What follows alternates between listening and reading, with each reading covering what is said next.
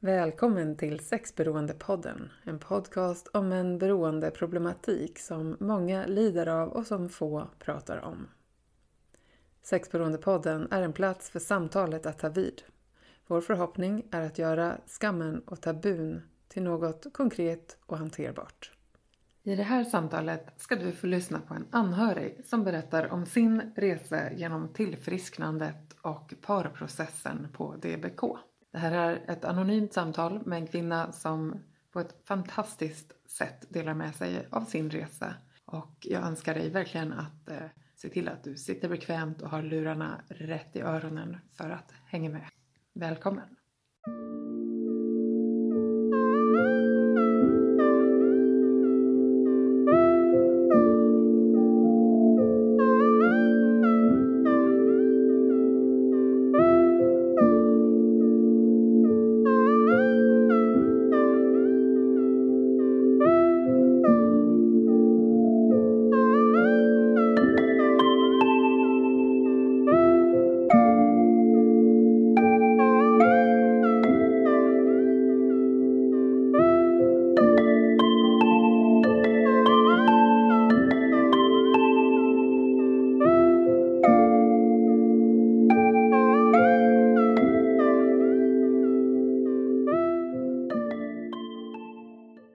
Första fråga till dig blir lite om du vill dela din ingång till att välja att vara med i det här poddavsnittet för att berätta lite om dina erfarenheter som anhörig. Ja, att jag har valt att vara med det beror mycket på att när man blir utsatt för den här upplevelsen så känner man sig otroligt ensam. Man tror att man är ensam i världen och något av det viktigaste för mig i alla fall var just att få träffa min grupp sen i behandlingen, men att känna att jag är inte ensam. Och mm. att berätta för personer som råkar ut för det här och att nej, du är inte ensam. Sök hjälp, sök kontakt med folk som vet vad du pratar om. En förhoppning om att sprida lite ja, hopp om att det faktiskt finns stöd att få och att igen verkligen inte vara ensam i en svår situation. Ja, absolut. För det är ju så att du har en egen personlig upplevelse av att vara anhörig till en person i sexberoende, visst? Ja, visst så är det. Mm. Och eh, när, man blir, eh, när man gör den här upptäckten då känner man sig som den ensammaste personen i världen eftersom man har inte ens den personen man trodde att man skulle ha. Sin partner, den man kunde lita på i allt, om allt som skulle älska en och ta rygg på och jag ska ta rygg på. Den finns inte heller, så man är totalt ensam. Och hur var det för dig att upptäcka? Vill du, ska vi gå direkt dit? Skulle mm. du kunna berätta lite om hur det var för dig att få reda på hur gick det till? Det var en total chock. Eh, jag såg något förfluget sånt här meddelande på någon ja, chattapp, vad det nu kan vara för någonting, eh, som det stod någonting väldigt konstigt på som jag inte förstod. Min man, han, eh, min dåvarande man, var ju resande och var mycket borta på veckorna och det här damp ner då en lördag förmiddag och det vände upp och ner på hela min värld. Jag förstod att han hade haft en kvinna var det ju då först. Och jag hade ingen som helst föraning om att det skulle vara något sånt. Jag hade känt att det var någonting som inte stämde. Men eh, att eh, det skulle vara så illa, det hade jag aldrig föreställt mig. Aldrig.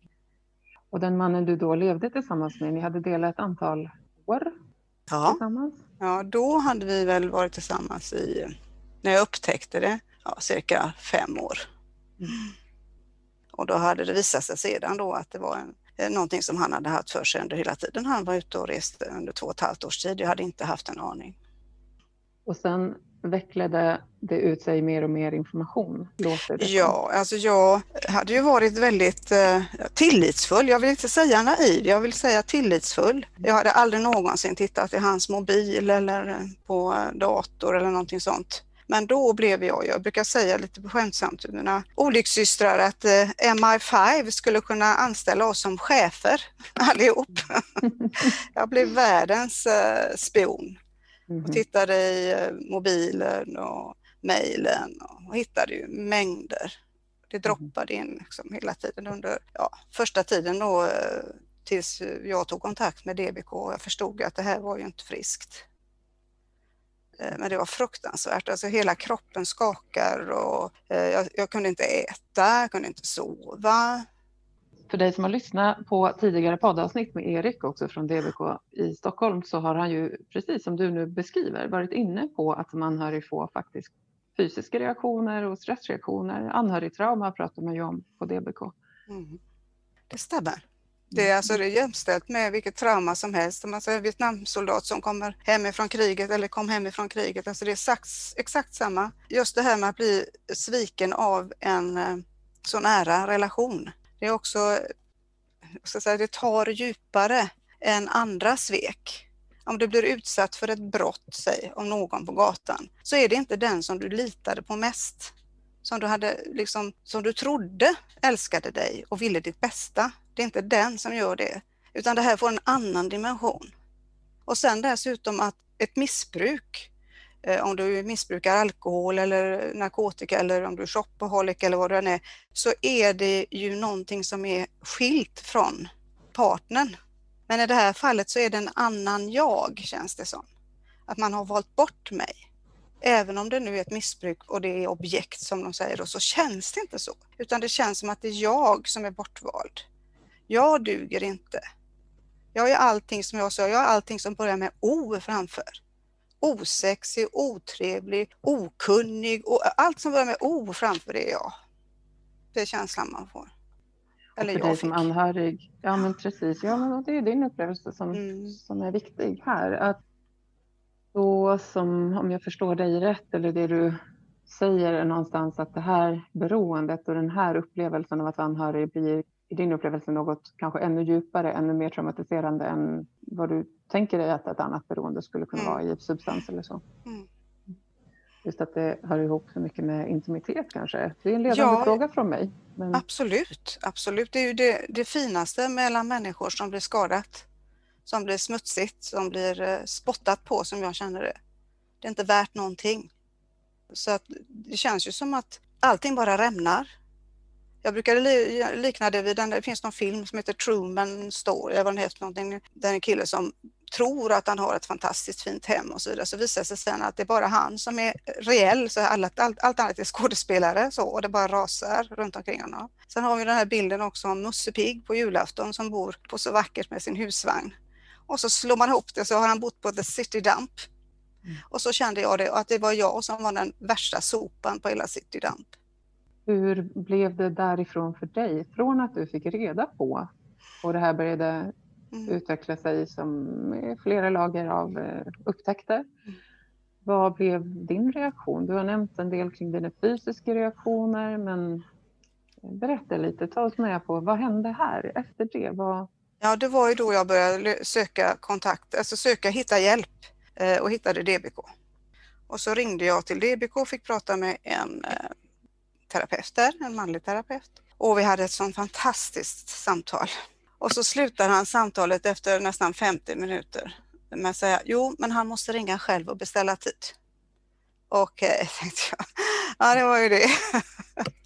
Vad tänkte men, du då? Ja, ja, nu är det kört, tänkte jag. Nu är det kört, det kommer inte hända? Var Nej, det, det kommer inte hända. Nej. Ja. Men eh, jag talar om för eh, min dåvarande man att eh, så här, jag har haft kontakt med den här kliniken och de skulle kunna hjälpa oss. Och så sa jag att de har en tid då och då, men vi var, skulle vara snabba och ringa annars så kommer den försvinna, men du måste ringa. Och det gjorde han faktiskt. Det förvånade dig att han gjorde det? Ja, det förvånade mig. Men han gjorde det och det gav mig hopp direkt. För vad jag hade bestämt mig för redan då var att söker inte han hjälp, eller vi får hjälp, eller framförallt söker inte han hjälp så lämnar jag. Men han sökte hjälp och det gav mig hopp. Vad blev nästa steg i det? Ja, nästa steg blev ju att jag under tiden, vi började behandlingen, men sen under tiden i behandlingen så upptäckte jag nya saker hela tiden, hela tiden. Ända fram till ja, 8-9 månader in i behandlingen. Och den behandling du nu nämner är alltså just den här parprocessen som tidigare poddavsnitt har fokuserat på? Ja, det är ju, det är ju process egentligen både för den beroende och den anhöriga och sen tillsammans då, man gör varsin process och sen tillsammans så fogas de ihop då till en parprocess emellanåt. Men man gör ju sin egen resa. Och det är framförallt den egna resan som var väldigt viktig för mig också att göra. i den egna resan som du gjorde, vad är det som du idag kan minnas tillbaka på kanske som viktigast för dig? Går det att svara på den frågan? Ja, det gör det absolut. Ja. Efter att ha varit liksom eh, ute på Atlanten på en eh, atlantångare och ikastad mitt i havet så hittade jag en ö där det fanns andra som var som jag. Jag hittade en gemenskap, jag var inte ensam. Det var det allra första. Jag hittade någon som förstod vad jag sa när jag pratade och vad jag berättade om och verkligen Många säger jag förstår och man gör inte det, men här kände jag att de här människorna, de förstår verkligen och kunde säga då, ja och så här var det också för mig och så var det så här också och då förstår man liksom att kan man fylla på lite, ja de har ju upplevt det första biten. Så att det var mm. äkta verkligen. Så där kände jag att, att jag, jag hade någonstans en hemvist så att säga. Och sen så kom ju då när chocken hade lagt sig att arbeta med mig själv. Alltså vad var det i mig? För det första, hur, hur hade vår relation sett ut? Det var ju lite nyttigt att se, för det hade ju inte varit så mycket rosor. Det var ju väldigt mycket ris också under resans gång. Var det någonting som du fick lite mer eh, upptäckt i då under de här månaderna och den här tiden i behandling? Ja, för det är ofta så ju att man kommer ihåg de roliga sakerna men inte alla de dåliga sakerna. Tänk att det fungerar man, så. Ja, men det är väl bra, för annars kanske vi skulle må väldigt dåligt. Ja, jag tänker att det finns ja, en anledning ja, till det. Ja, och vi var lite snälla med oss själva som människor. Att vi har ju faktiskt en, en mänsklig mekanism i det, en psykologisk skyddsmekanism och att se det goda ja, förnekelse. Ja, det är ja, en stark typ historia. Ja. Men den är ju nyttig ibland. Så. Men det är väldigt bra då när man kan få bild på det, ta ett litet steg tillbaka och se hur ser detta ut egentligen? Hur mycket respekt exempelvis har den här personen visat mig eller är det jag som har sprungit hela tiden och ja, fått uh, nagga på mina värderingar och gränssättningar och alltihopa detta? Och är det därför jag känner mig så liten idag? För det handlade ju om att ta tillbaka mig själv och ta tillbaka min värld och mina gränser. Framförallt gränssättning var ju någonting man jobbar med väldigt tidigt, tidigt i processen. Och för den som lyssnar då och hör ordet gränssättning, mm. kan man ge exempel på vad den gränssättningen skulle kunna handla om i litet och stort? Nej, det kan ha varit exempelvis eh, förutsättningar för att vi skulle kunna träffas. Att det var han som styrde hela tiden eh, när det passade och inte passade senare i processen så var det ju väldigt enkelt att visa på exempelvis, du får inte ta med dig mobilen in på toaletten, det är en sån gräns. Ja, Det är mm. lite svårt att precisera så här i efterhand men, men det handlar liksom hela tiden om att jag gör eftergifter och han tar först, tar, tar mer mark och jag förlorar mark på något sätt. Och för den som lyssnar och kan relatera så är det här säkert en väldigt viktig sak att få mm, fundera lite på, tror jag. Det är därför jag stannar till och tack för att du ger exempel. Men en följdfråga på det blir ju som Erik har varit inne på när vi har diskuterat lite och han har försökt att ge exempel i, i parprocessen eller den individuella också då, behandlingen för par eller den som har ett sexberoende. Det här med att också titta på lite mer, vad behöver jag och vad vill jag i mitt liv? Vad behöver jag för att må bra? Känner du igen att det var viktigt för dig? Ja, absolut. Eh, och det var ju det som hade fått eh, stå tillbaka. Det här med att man släpper gränser. Men jag vet att det var några tillfällen där jag verkligen, för att eh, den här mannen han hade en, ett barn som kom och hälsade på oss varannan vecka och så. Och då kunde det bli så att rätt vad det var så ringde, eller hade de kontakt med varandra och så ändrade de vecka utan att prata med mig.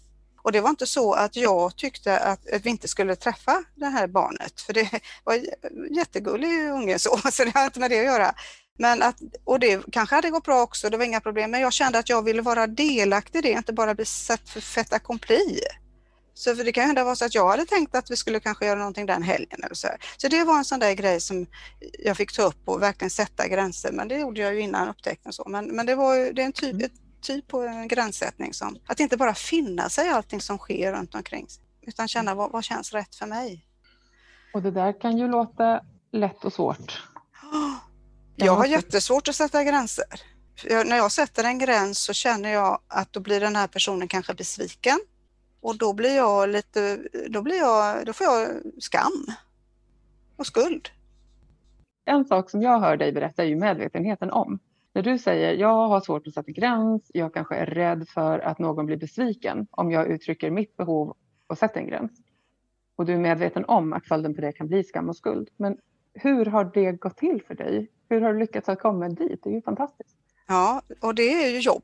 Och, och man måste jobba mot sig själv för att sätta jag satte en gräns ganska nyligen här nu eh, för att det har alltid varit så att jag har bott ganska långt bort ifrån centrum och jag har kört bil och det har alltid varit så att då, ja, men då kan jag åka med dig och du kan åka med mig. hem. Så att jag från redan från början skulle ha varit sist hemma, har varit väldigt mycket sist hemma för att jag ska köra alla människor så, som på vägen. Så var det en sån situation och då bestämde jag för nej, jag ska säga till den här personen att jag kan inte köra den vägen för det tar för lång tid för mig. Jag har mycket snabbare att köra ut där och jag gick och repeterade detta för mig så ska jag säga.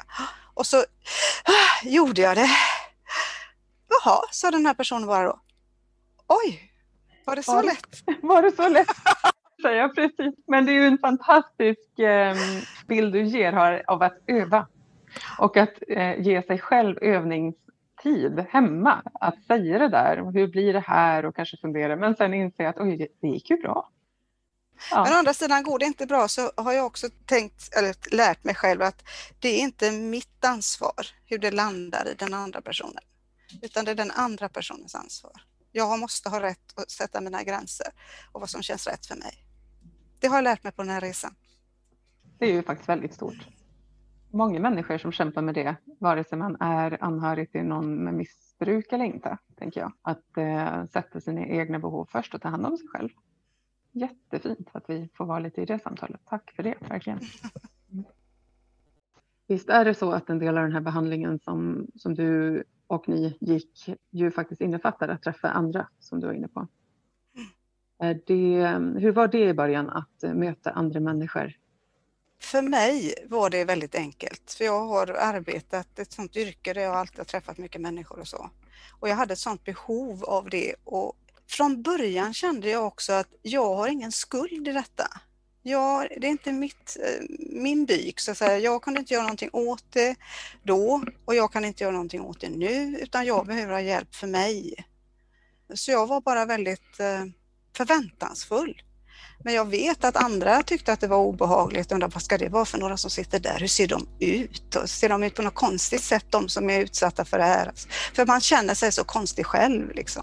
Men eh, för mig var det ingen svårighet utan jag kände bara lättnad. Det var som jag sa att jag var på en, i havet och hittade den där ön med alla de här underbara kvinnorna som satt där. För det är underbara kvinnor, fantastiska kvinnor.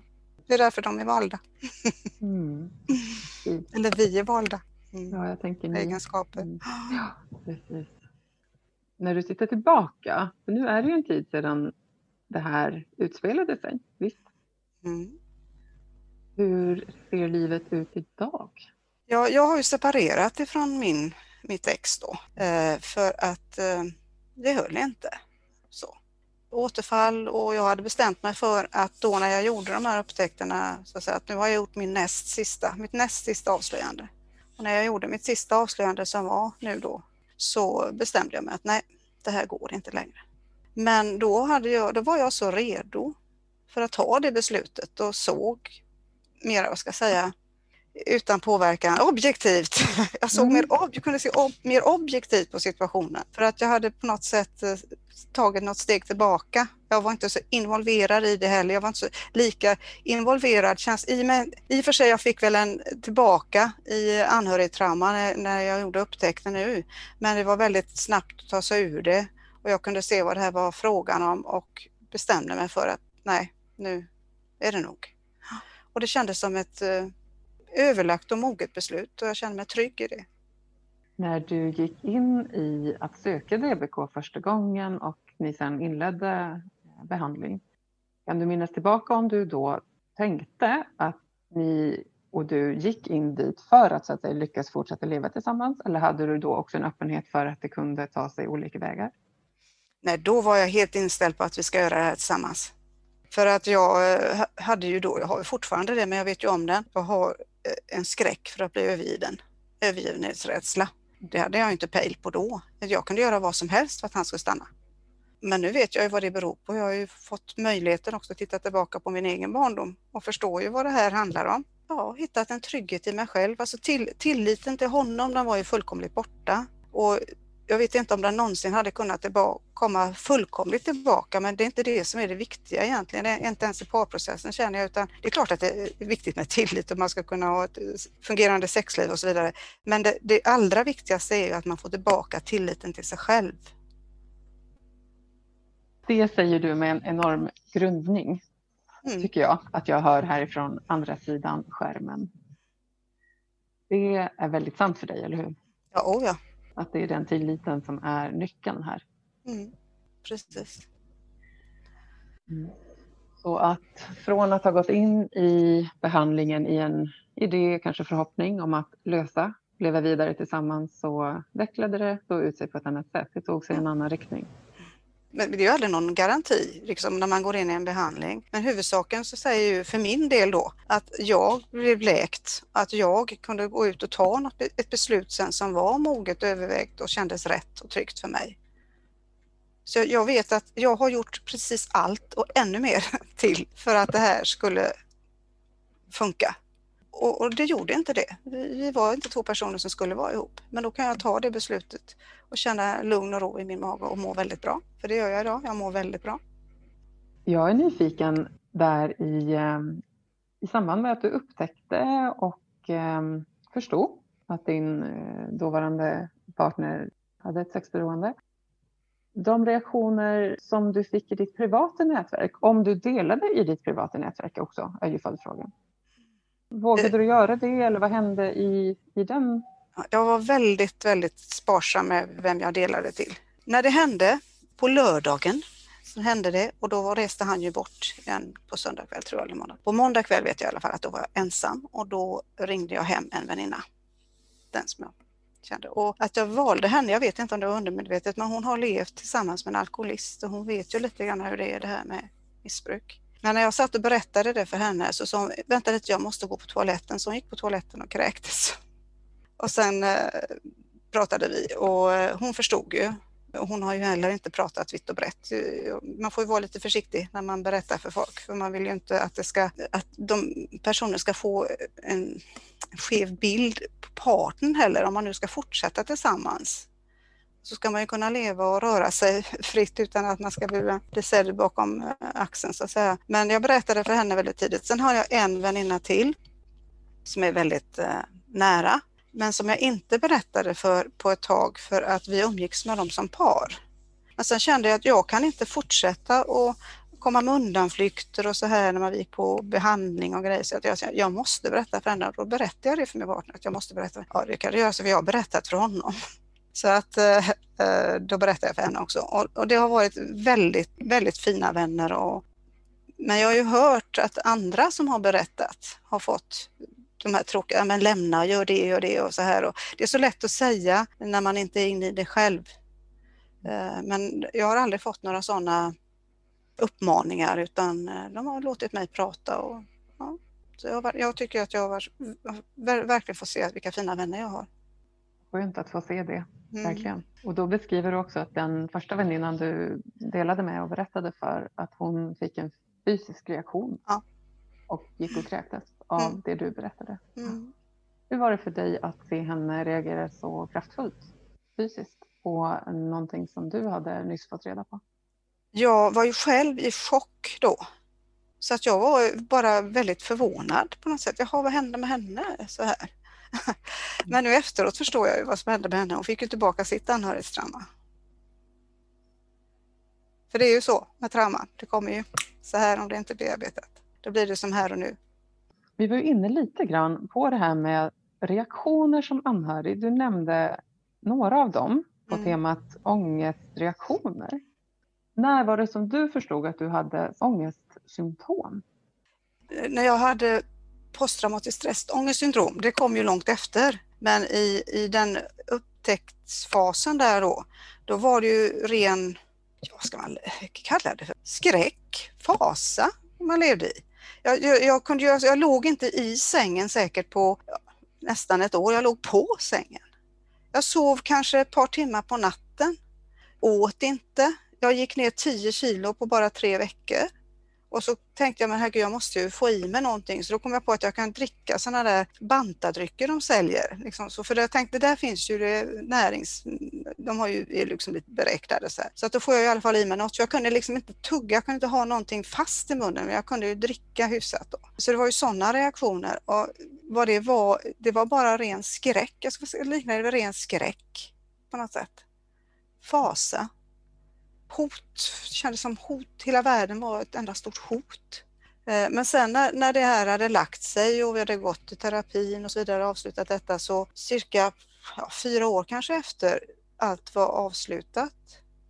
Nej, det, nej efter fyra år hade börjat, säga, två år efter var avslutat, då kände jag liksom att nu, nu börjar det lugna ner sig, nu är det fint. Då vaknade jag på natten och hade panikångest. Och jag förstod inte att det var det. Jag trodde att det var kanske hjärtat eller någonting. Man kan ju få lite konstiga symptom som kvinna. Kan det vara hjärtinfarkt eller någonting? Mm. Det där pågick ju säkert i tre, fyra veckor utan att jag gjorde någonting åt det. Jag kände liksom att när jag vaknade så kände jag att jag måste andas. Så här, jag, jag, kan inte andas. Så sökte jag för det. Jag tänkte nog bäst att kolla upp det. Och medan jag sitter och beskriver mina symptom där i kassan så säger hon, sköterskan där, att har du varit med om något? Ja, så det har jag varit. Ja ja, det låter ju som att det är panikångest som du har, men vi ska eh, göra undersökningar. Så gjorde de det och det var inga fysiska fel på mig alls. Så då kom det, när liksom allt annat hade lugnat ner sig men kroppen var inte klar. Då kom det. Mycket klokt bemötande från den vårdkontakten. Ja, jag blev jätteförvånad. Mm. Det är ju så, precis som du också beskriver, men jag tänker för de som lyssnar och inte känner till det, att panikångest är ju för en lekman helt omöjligt att skilja ifrån faktiskt en hjärtinfarkt till exempel. Det är en, en reaktion som kan kännas som att man på riktigt håller på att dö om, om det slår till och att man ska söka vård. Om man har en panikångest så är den ju egentligen inte farlig men kroppen reagerar som om att det vore livsfarligt. Det finns mer att läsa på nätet för den som är intresserad men vad bra att de tog dig på allvar och uteslöt fysiska saker men också satte rätt rubrik tänker jag för det är ju först då man kan få rätt stöd. Sen hade jag svårt med koncentration, självklart. Eh, svårt att komma ihåg saker. Jag hade till och med en minnesbläcka, ja, alltså eh, total minnesförlust under en, eh, ja, en kväll då som jag, jag kunde inte förstå. Jag hade haft en lektion och hade skrivit upp i lektionssalen då vissa saker på tavlan Eh, och när jag vaknade på morgonen så kom jag inte ihåg någonting vad som hade hänt på kvällen. Så jag åkte tillbaka till lektionssalen så såg jag alla mina anteckningar. Och jag såg att jag hade skrivit med min handstil men jag kunde inte komma ihåg någonting. Och då eh, åkte jag också in för att undersöka detta och då sa de att det hette något speciellt, man kunde få det där så. Men jag tänker att det var väl antagligen orsakat av stress. Vad blev resan i, eh, ifrån den här PTSD för du fick en bekräftad PTSD? Ja, och då hade vi ju slutat på, på DVK och så. Men då sökte jag det, kollade jag upp lite grann vad det fanns för olika metoder och då blev jag väldigt nyfiken på den här EMDR-metoden. Man eh, härmar REM-sömnen kan man säga. För att under, när man upplever saker så processas det i hjärnan under sömnen. Men när man får så många upplevelser eh, så att man blir så chokad, då hinner inte hjärnan eh, processa. Eh, och då fastnar det i amygdalan och så blir man ju så här lätt med triggers då återtraumatiserad igen. Så att eh, jag sökte för det och fick hjälp och eh, jag känner inte någon panikångest längre. Jag vaknar inte på nätterna med någonting sånt utan känner mig väldigt lugn. Nu har du fått lägga dig mjukt på madrassen igen. Ja, det, det händer ibland att man är stressad men då känner jag igen det där. Ah, kom igen nu, slappna av. Ja, ja, där var ju madrassen. Ja, men precis, att ha en eh, medvetenhet och upptäckt i alla fall. Och ja, börja se med någon form av stress. Vi människor är ju sällan vaccinerade från det. Livet pågår, mm. men att ha möjlighet att kunna hantera. Mm. Vad fint att du berättar lite om det, för det här är också ganska vanligt, som sagt. Vanliga reaktioner och att det finns hjälp att få. Sen så efter jag hade gått ner de här 10 kilorna så började jag äta istället. Alltså det, så är det med mig. Att antingen så kan jag inte äta alls och mår riktigt dåligt men mår jag bara halvdåligt så äter jag. Och äter och äter och äter. Så att jag åt upp de 10 kilorna och 10 till. Jag såg ut som en boll. Sen jag ja, separerade då så har jag faktiskt gått ner 10 kilo igen. Så att, eh, och då utan att göra någonting annat än att bara leva som man gör sunt, inte sitta och trycka i mig massa saker men omedvetet. Jag inte så att jag har inte haft behov av det. Men det är också en väldigt vanlig komplikation, jag säger komplikation, för den sex och kärleks, eh, partner till en sex och kärleksberoende att gå upp i vikt. Jag tror det är 70 procent faktiskt som har övervikt och väldigt många riskerar att få diabetes 2. Om man då tänker sig att det är en strategi för ångestreducering mm. genom de här processerna som du har valt mm. Att ge dig själv arbete med så, och fatta ett beslut om att lämna också och relationen men ta hand om dig själv så låter det som att du inte längre behöver den typen av ångestreducering då. Precis. Mm. Om man säger så här innan vi alldeles snart börjar eh, gå mot avslut. Vad idag är det som du kan tänka är viktigast för att fortsätta må bra med dig? Nej, men det är ju det här att känna efter vad, vad behöver jag, vad vill jag? Och vad behöver jag göra för någonting för att komma dit som jag vill? Inte sätta mig i någon slags offerposition. Eh, och så tänker jag, men du har ju, du har ju lagt så många år, ja, men de åren hade ju gått ändå. Oavsett om jag hade varit prinsessa eller vad jag har varit så har, är det ju igår. Idag är det jag har och framtiden, ja hur mycket jag nu får. Så att jag lever här och nu så mycket som möjligt. För att ja, man, man lär ju sig saker på resan.